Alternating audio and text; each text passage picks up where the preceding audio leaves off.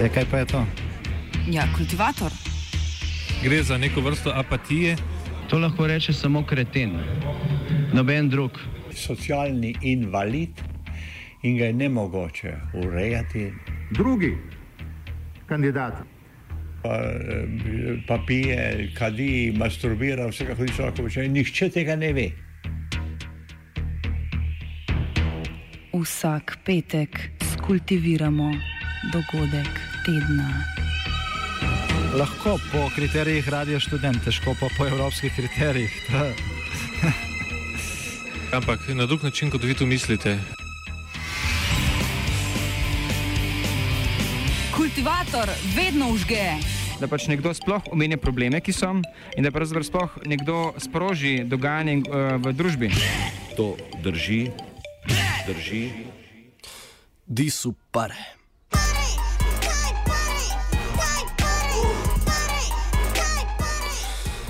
V torek se je državni zbor tudi uradno seznanil z odstopom predsednika vlade Mira Cerarja, ta pa je v tistem trenutku postavlja upravljalec tekočih poslov.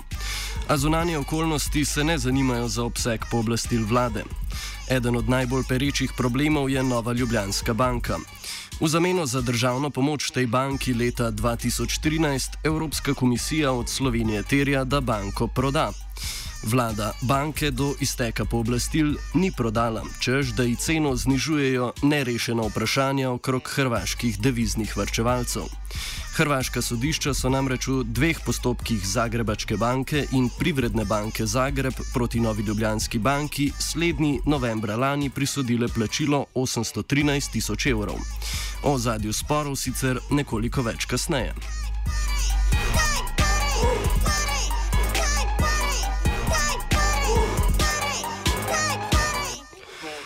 Slovenski politični vrh se je delno poenotil proti tako imenovanemu plenjenju državnega premoženja. V ponedeljek je Komisija državnega zbora za nadzor javnih financ potrdila dopolnila ustavnemu zakonu za izvedbo temeljne listine o samostojnosti in neodvisnosti Republike Slovenije, s katerimi bi banko zavarovala proti hrvaškim upnikom. Zakon NLB nalaga naj ne upošteva sodb hrvaških sodišč, saj da so ta v nasprotju z mednarodnim pravom.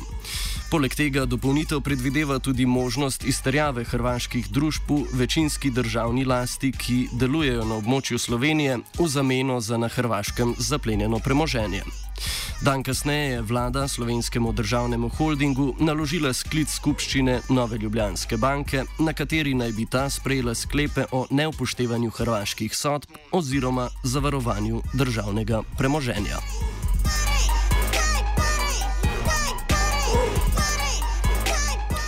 A vrnimo se najprej k koreninam tega vprašanja.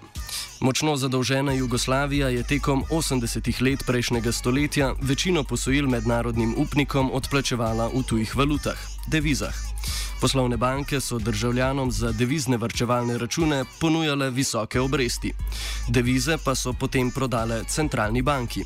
Pojasnjuje Mitja Gaspari, nekdani guverner Banke Slovenije in finančni minister v prvi Drnovškovi vladi. Devizne vloge so bile v uh, poslovnih uh, bankah, poslovne banke so pa te devize prodajale Narodni banki Jugoslavije, uh, zato ker je primankovalo deviz v tistem času zaradi dolžniške krize in uh, so zato dobile uh, za te svoje vloge v, v, kot terjato, uh, dinarske terjatve do, uh, do, do podjetij, ki so jim dinarje, ki so jih dobile od Narodne banke Jugoslavije, posojale kot dinarske kredite. Torej, na eni strani so imele banke dinarske kredite, na drugi strani pa obveznosti, ki so bile izražene v tuji valuti. Ne. In če je tečaj ni miroval, kar se je dogajalo v 80-ih letih, ker je zgubljeno vrednosti, se je v bistvu dinarska protivrednost teh deviznih obveznosti stalno povečevala, medtem ko se so eh, dinarski krediti iz posojil bank Eh, se niso revalorizirali, eh, obrestna mera je bila tudi eh, realno negativna in iz tega je nastajala v bankah velika izguba. Da ta izguba ne bi se še bolj povečevala in bi nastajal problem, je v bistvu bank, Narodna banka Jugoslavije bila pripravljena potem prevzeti del teh tečajnih razlik na sebe in iz tega je nastajala potem posledično relativno velika izguba v Narodni banki Jugoslavije. Izguba v centralni banki pa pomeni, da ta centralna banka, če to izgubo hoče financirati, izdaja nov denar. No, in to je bilo v bistvu situacija v Jugoslaviji v 80-ih letih, ki se je končala z hiperinflacijo in potem z razpadom sistema, kot veste. Ob razpadu bivše domovine in posledičnem prenehanju centralne banke je prišlo do vprašanja povrnitve vrednosti vlog deviznim vrčevalcem. Slovenija je z ustavnim zakonom sprejela tako imenovano teritorijalno načelo, kar pomeni, da so vrednost povrnili tistim, ki so svoje računi, račune odprli na področju Republike Slovenije, ne glede na banko. Vrčevalci v podružnicah Ljubljanske banke so strani hrvaške države dobili možnost, da svoje vloge prenesejo v eno od hrvaških bank, po večini Zagrebačko banko ali Privredno banko Zagreb, ali pa ostanejo v Ljubljanski banki. Tako govorimo o prenesenih in neprenesenih deviznih vlogah. Imetniki neprenesenih vlog so svoje poplačilo dočakali zaradi intervencije Evropskega sodišča za človekove pravice v primeru Ališič. Več pove Gaspari. Začetek tega, te, tega procesa je bil v letu 1989, ko je uh, takrat vlada, takratna SFRS, sprejela nov zakon o bankah, ki je zahteval, da se morajo uh, tako imenovane temeljne ali pa osnovne banke, ki so prej bile v, jugoslovanskem sistemu, spremeniti v normalne delniške družbe oziroma filijale.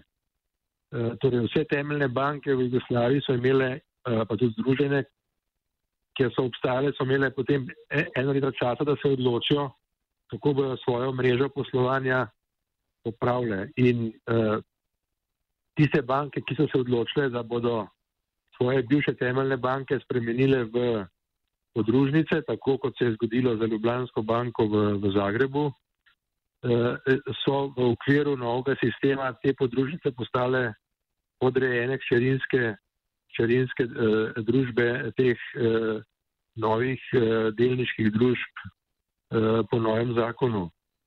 Ko je se zgodil razpad Jugoslavije leta 1991, se je treba odločiti, kako se bodo, rekel, hranilne dinarske in devizne hranilne vloge, ki so bile po bankah širom po Jugoslaviji, kako se bodo v novem, novo nastali situaciji obravnavale. No in takrat je Slovenija sprejela ustavni zakon, ki je določil, da bo uh, jamčila Republika Slovenija za vse devizne vloge na teritoriju, to so teritorijalno načelo na območju Republike Slovenije, ne glede na to, čigave so te devizne vloge oziroma katerih bank so bile te devizne, te devizne vloge in tako je Slovenija takrat jamčila za vse devizne vloge bank, slovenskih bank, recimo Ljubljanske banke, Mariborske banke in tudi drugih bank iz drugih republik, kot so bile recimo Beogradska ali pa Jugobanka v Sloveniji.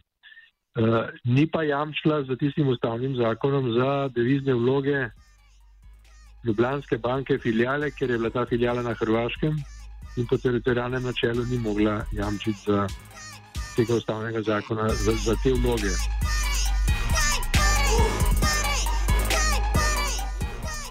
Situacijo na Hrvaškem pojasnjuje Željko Ivankovič, urednik portala ideja.hr in dolgoletni urednik magazina Banka. Hrvaške banke, ki so prevzele preomenjene prenesene vloge, so bile namreč v slabem stanju, naposled pa jih je rešila državna intervencija v obliki obveznic. Hkrati je Republika Hrvaška te banke pooblastila, da v njihovem imenu od Slovenije izterjajo denar, porabljen za poplačilo deviznih upnikov. E, dakle, u Hrvatskoj su e, štediše, e, obavezu prema štedišama je zapravo preuzela država. Banke su bile kolabirale, bankrotirale, cijeli bankovni sustav je zapravo imao negativni kapital i to značajno negativni kapital. Država je dokapitalizirala obveznicama banke i, i to po te obveznice su se odnosile dobrim dijelom na staru štednju, nešto i na nešto i na potraživanja poduzeća. Jedan dio obveznica je išao oko poduzeća. Dakle, e, e, država je e, plasirala obveznice u banke, banke su e, ispunjavale u određenom vremenskom ritmu obaveze prema e, štedišama. Štediše Ljubljanske banke su imale mogućnost ili vjerovati Ljubljanskoj banci i ostati u Ljubljanskoj banci ili prenijeti svoju štednju, doći sa štednom knjižicom, tad su još postojale štednje knjižice, u e, Zagrebačku, odnosno Privrednu banku. Oni bi upisali, Zagrebačka ili Privredna banka bi upisali u, u svoje knjige njihovu štednju, a e, e, onda je država e, angažirala banke da se kod Ljubljanske banke bore za tu štednju, to jest da od nje potražuju tu, e, tu štednju. E, Hrvatske, e, banke su isplatile e, tu staru štednju čak i prije nego što je ona dospjela, jer je bila, čini mi se, na 10 godina, su, je ta, ta štednja dospjevala čak i prije nego što je ona dospjela, zato što su sa tom štednjom štediše mogli bilo kupovati dionice poduzeća, bilo plaćati neke druge e, e, nužne, e, nužne troškove zdravstvene ili nešto slično.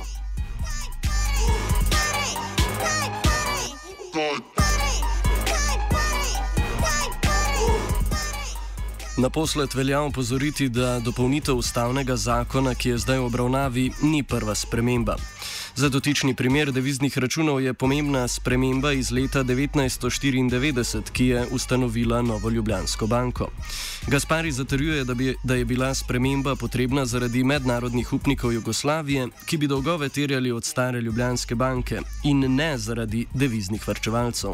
Leta 1994 smo pa mi v Sloveniji sprejeli dopolnitev tega ustavnega zakona, zaradi tega, ker še ni bil sklenjen sporazum z mednarodnimi upniki v bivši Jugoslaviji, kjer so hoteli nekateri upniki vso breme teh jugoslovanskih dolgov, ki je bilo približno 7 milijard, pripisati samo takrat Sloveniji oziroma Ljubljanski banki, ker je veljalo na celo solidarne odgovornosti, se pravi, uh, vsi za enega, eno za vse, to se pravi, Eh, če, eh, če ne bi drugi hotel plačati, bi lahko se zahtevalo to plačilo od samo enega subjekta in takrat je še najbolj likvidna bila Slovenija oziroma Ljubljanska banka in bi bila, je bila velika nevarnost, da bi se od Ljubljanske banke zahtevalo oplačilo vseh teh eh, jugoslovanskih dolgov po novem, eh, po novem finančnem sporazumu NFA, kot se je imenoval. Zaradi tega je bil sprejet takrat ustavni zakon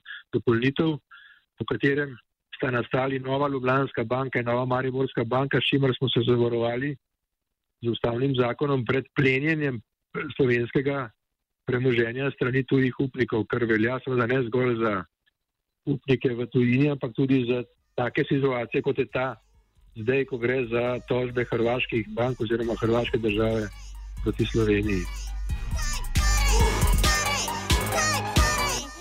Ivankovič predstavi svoj pogled na ustavni amandma iz leta 1994 in kaj je ta pomenil za Hrvaško. Slovenski parlament čak je donio uh, zakon prema kojem obaveze Ljubljanske banke uh, ostaju u Ljubljanskoj banci, a prava no, uh, se prenose u novu Ljubljansku banku. E, dakle, očistio je Ljubljansku banku koja je očigledno e, bila u istoj e, financijskoj situaciji kao i Hrvatske banke od teškoća i od obaveza. Nešto slično što se sad događa, što se dogodilo slično, ali ne identično, ne analogno, onome što se događa sad u Agrokoru. Dakle, zamrznute su obaveze, a potraživanja, sa potraživanjima se radi. To je to je stvar koja je prilično dvojbena i e, naravno ona je pravdo pitanje. Ako se donese zakonom, onda se po zakonu na to ima pravo. Ovaj, a, ali je zakoni se također mogu dovoditi u pitanje, e, primjena zakona se može dovoditi u pitanje i to može ići na, na višim razinama i u tom smislu ja mislim da, e, da je to pravni spor. Jeli? Da li je to, e, da li je e, logično i ima smisla da se e, samo u, u novoj instituciji vodi računa samo o pravima, a ne i o obavezama. Evo, tako nekako otprilike. Meni se čini da, to, da je to prilično dvojbeno, ne samo, čak i po logici prava, ali to je onda pitanje pravne procedure da se to definitivno ustanovi na isti način na koji se definitivno ustanovilo ova, e, ovo sa štedišama koji su ostali u e, Ljubljanskoj banci e, i dalje štediše. Jeli, oni su dobili na kraju taj sud. Kako teče isplata, to je sad drugo pitanje.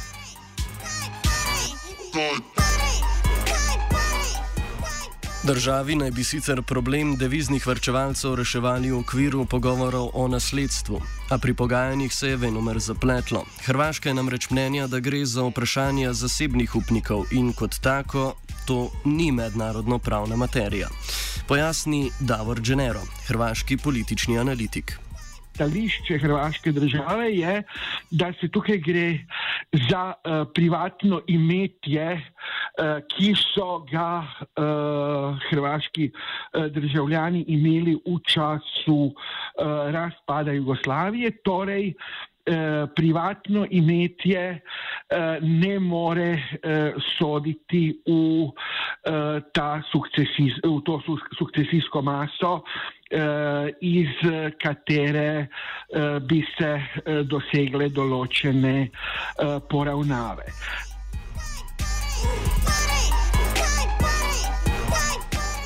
Hrvaško vrhovno sodišče je leta 2008 slovenskim ustavnim akrobacijam na vzlic presodilo, da je Nova Ljubljanska banka univerzalna pravna naslednica Ljubljanske banke, s tem pa tudi solidarno odgovorna za njene dolgove. Privredna banka Zagreb in Zagrebačka banka lahko tako po pooblastilu države svoj zahtevek naslovita na Novo Ljubljansko banko.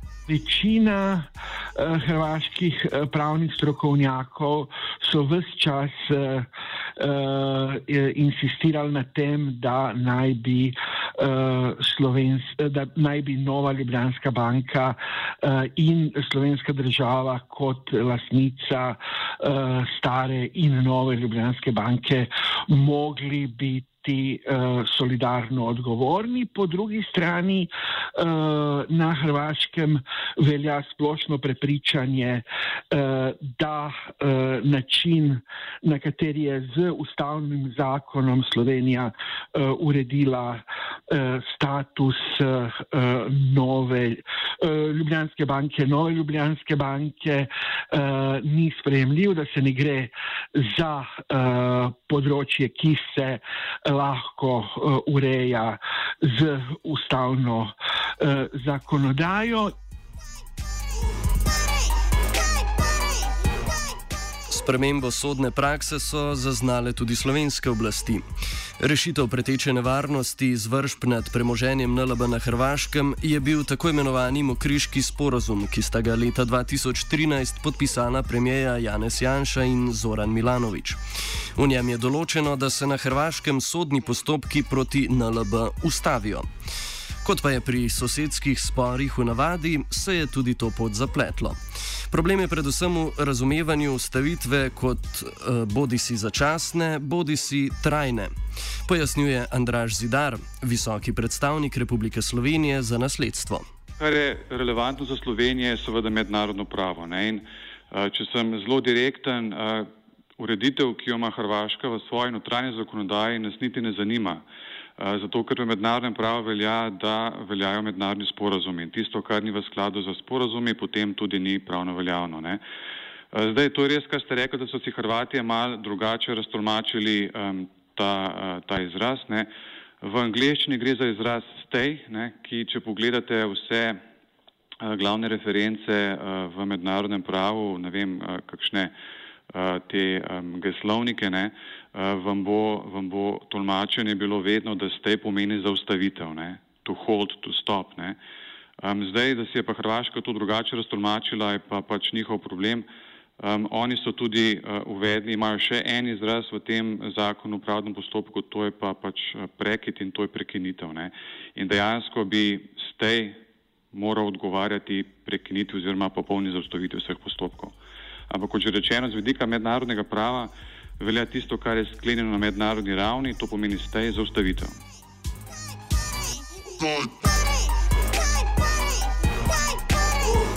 Hrvaška stran v skladu s svojim zakonom o pravdnem postopku nedvomno zatrjuje, da beseda stej pomeni, da se postopki mrznejo na leto oziroma dva leta ne? in to obdobje je uh, uh, uh, davno tega poteklo.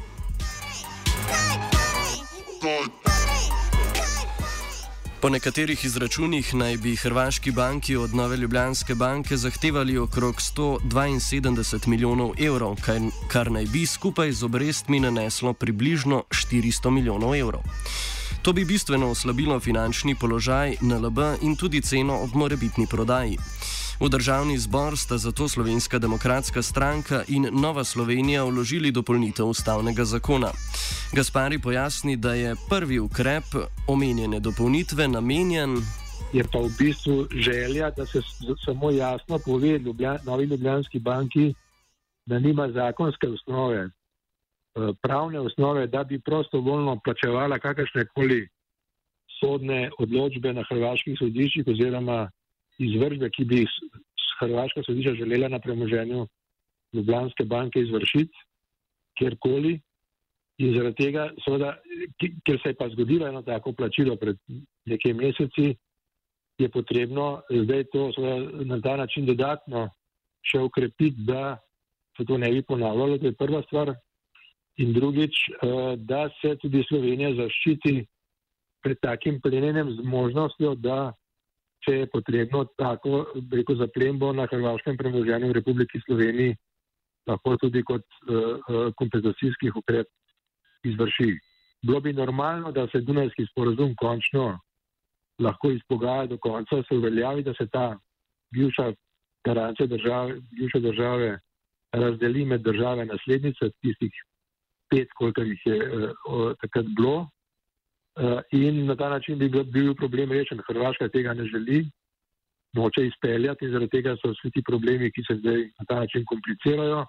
Komplicirajo se pa tudi zaradi tega, ker bi se želela Ljubljanska banka privatizirati oziroma jo privatizirati, pa je ta problem za nekatere problem, ki, bi, ki, bi, ki zahteva znižanje cene. Zato je bilo, je bilo upozorilo Evropski uniji, da se pod takimi pogoji privatizacija ne more izvesti, ker bi bila ekonomsko neupravičena oziroma prikrajšana zaradi takih dogodkov, ki ne pomenijo komercialnega tveganja Ljubljanske, nove Ljubljanske banke, ampak je to neke vrste nasledstveno politično meddržavno tveganje, ki se ga ne da rešiti z navadnimi komercialnimi potezami, ampak se mora rešiti z meddržavnimi sporazumi.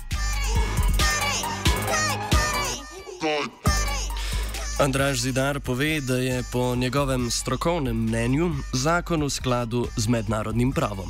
Ta uh, uvodni člen, ki ne bi se dodal, v katerem uh, se dejansko uh, naredi uh, to, da se odločbe ne, hrvaških sodišč v Sloveniji ne smejo izvrševati, zato ker so v nasprotju z našo suverenostjo, ker so v nasprotju z našim javnim redom. Ne. In to gre za neko določbo, ki je znana kot uh, določba o koliziji ne, in ki jo poznajo pravzaprav vsi pravni sistemi in tudi mednarodno pravo. Se pravi, če neka tuja sodna odločba posega v tvojo suverenost, v pravno suverenost ne, ali finančno ali gospodarsko, imaš ti vso pravico, da take odločbe ne priznaš. Um, ta norma, na primer, jo najdemo uh, ne nazadnje tudi v uh, konvenciji oziroma sporozumu o pravni pomoči med Hrvaško in Slovenijo, um, kjer pravijo, da pač tuje odločbe tujih sodišč oziroma odločbe pač v tem primeru Hrvaškega sodišča se v Sloveniji ne prizna, če je v nasprotju s suverenostjo ali ustavnostjo Republike Slovenije. Ne.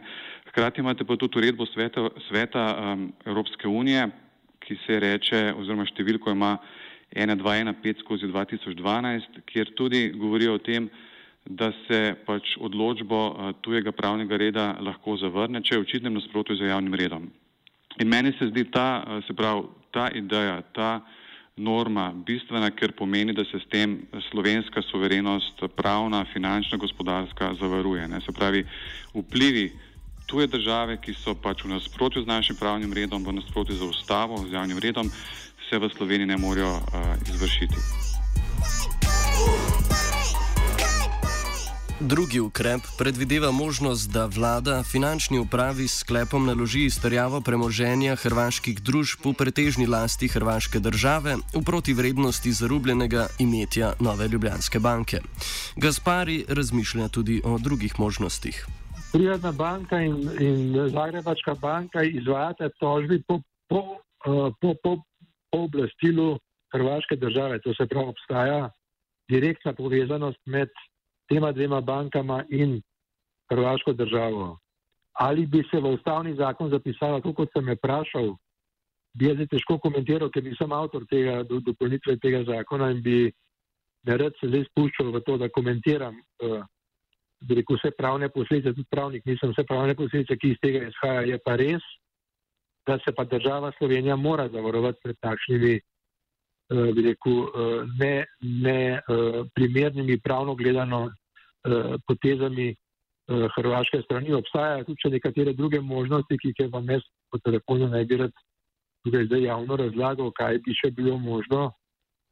Konec koncev obstaja tudi še obstaja neka podjetja, ki so v lasti podjetij, slovenska podjetja, ki so v lasti hrvaških podjetij in bi se tam tudi dalo še kaj uh, postoriti. Torej, jaz mislim, da prej, da se ta stvar dokončno ne, ne analizira pravno in ekonomsko, nima smisla, da to posamično komentiramo to za javnost.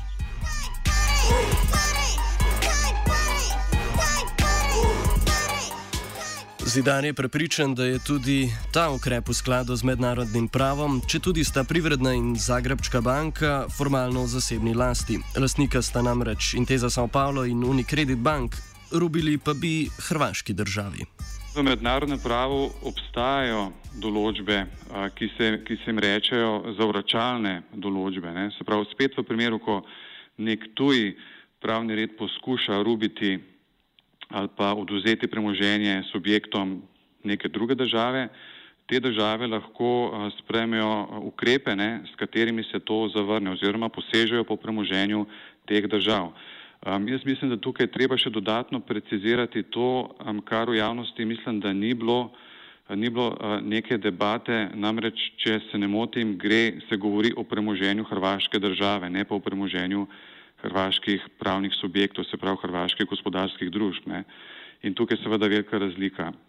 Um, tukaj bi še omenil to, da to ni nek ukrep, ki je uh, zdaj, um, ki se ga na novo uvaja ali pa ki je neka eksotika. Ne. Naprimer, tudi pravo, uh, pravo Evropske unije pozna uh, tak, tak ukrep, zopet gre za, za uredbo, uh, uredbo svet, sveta EU številka 2271 skozi 96 ker se je Evropska unija takrat odzvala pa na ukrepe ZDA, ne, ki so posegali eksteritorijalno na premoženje Evropske unije in so tudi Evropska unija sprejela s tem neke ukrepe, da pač um, lahko zavrne takšne, takšne ukrepe iz tuje jurisdikcije oziroma pač poseže po premoženju, ki prihaja iz te tuje jurisdikcije. Tako da gre za ukrepe, ki so sicer, da tako rečem, uh, so, uh, jih je zelo treba premisliti, ne, da so res v skladu z mednarodnim pravom in z vsemi določbami, ampak uh, so nekaj, kar že obstaja in, in so tudi dopustni pod določenimi pogoji.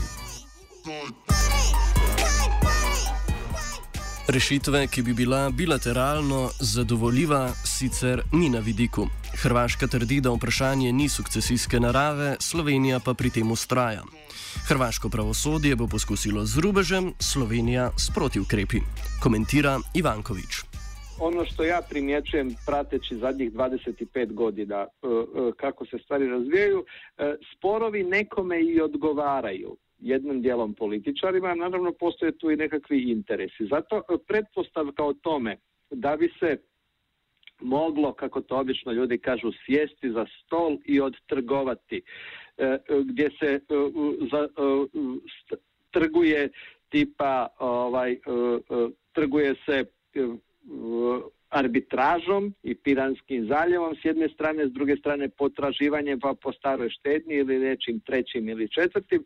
Mislim da je to zapravo jedna bezizgledna ideja. Jer izgleda da, nije, da države ne žive na taj način da riješe jednom zauvijek sve sporove. E, Tako, može se trgovati, može se djelomično trgovati. Mislim da je i taj memorandum iz 2013. godine kao i cijeli niz drugih sporazuma pisan e, dvojbenim jezikom e, zato da se može poslije izvući u pogodnom trenutku kako, kako kome odgovara. To je i jednoj i drugoj strani. Ja mislim da politika na taj način živi. E, Nezgoda je što građani, e, odnosno e, kompanije, moraju u tom političkom životu tražiti svoja prava isključivo na sudovima i to ne na sudovima koji su, dakle ne mogu očekivati ništa od političara i to ne na sudovima koji su iz tih dviju zemalja, nego su nižni, nužni stupnjevi rješavanja problema kroz te dvije zemlje, da bi se onda riješilo na nekom trećem sudu, kao što su štediše e, riješili u Strasburu.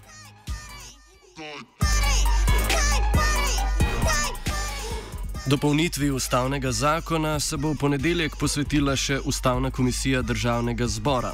Vlada uradnega mnenja še ni podala, se je pa okrog predloga poenotila skoraj da vsa parlamentarna garnitura. Nekoliko nejasni so le v SNC-ju in levici. Kultiviral sem zupan.